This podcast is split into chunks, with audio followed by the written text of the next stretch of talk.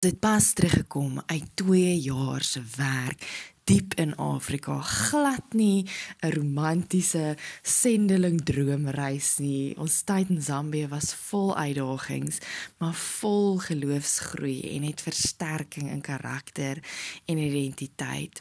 Teruggekom ingetrek in ons pragtige huis met ons mooi uitsig waarvoor ons so vertrou het na ons gemis van die berge rondom ons.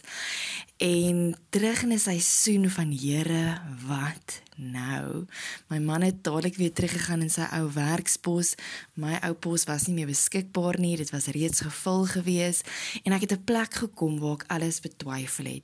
My identiteit, my roeping, wie is ek? Hoekom lyk hierdie tyd nou so?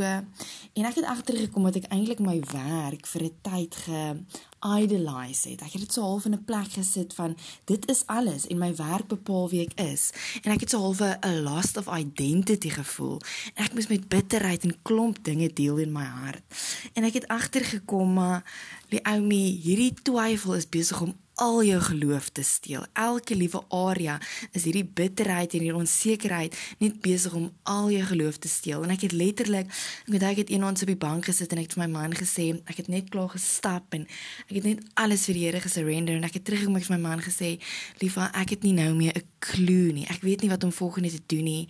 Ek sit sonder 'n werk. Ons het 'n behoefte aan nog 'n inkomste.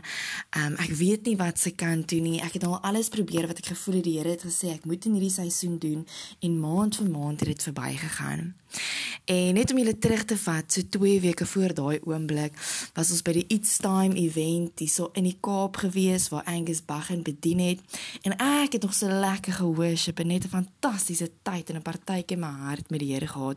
Toe kom maar van agteraf 'n wildvreemde vrou. Sy stel haar toe voor, sy's Gretel, sy's dit en dat en sy sê toe sy voel die Here het vir my gehighlight en die Here het vir gesê as sy met my gaan kom gesels nie gaan sy uitmis. So connect ons vat vinnig nommers.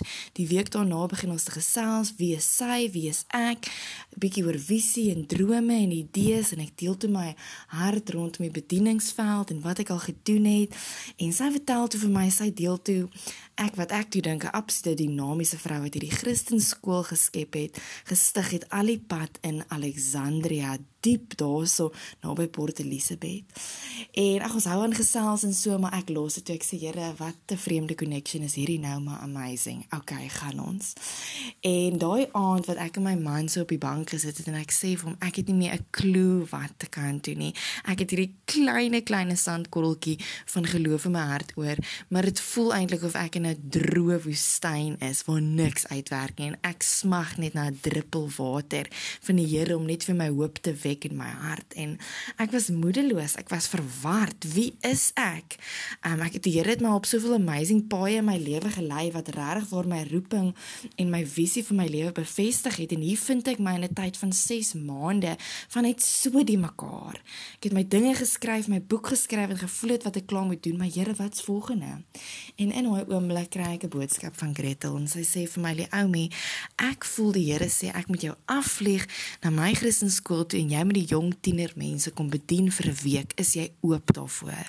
En in daai oomblik het die Here my kom herinner, maar ek het jou geroep vir die massas om vir mense te bemoedig met woorde met verskillende maniere van hoop, bevryding om hulle geloof te stig en om die waarheid te verkondig, soos wat in Jesaja 61 staan. En ek het afgevlieg na haar toe seker so 2 maande daarna en ek het 'n sussie ontmoet en die Here wat amper soos 'n tweede ma gevoel het vir daai week en ons het so amazingly connect en die Here het amazing werk daai week gedoen. Daai jong mense se identiteit was bevestig, hy het hulle gevul met die Heilige Gees en regtig word bonatuurlik beweeg as wat ek in my menslike wese kan. En die Here daai tyd, daai klein saadjie van geloof wat ek oorgehad het, het hy gebruik om 'n massa storm, tsunami van geloof in my hart te wek. En dit was net die begin, net die begin en daarna die volgende deur oopgegaan. En die volgende deur, en Here het my meer begin gebruik en meer begin gebruik en hy het my eintlik net voorberei na daai seisoen van absolute ongeloof en twyfel in my hart. Ek love dit om vir Bill Johnson te quote en hy sê geloof is die produk van totale oorgee of surrender. Dit gaan nie oor die werke wat ons doen of hoe gedetermineerd ons is of wat ons voel in die seisoen nie. Dit gaan oor 'n totale surrender.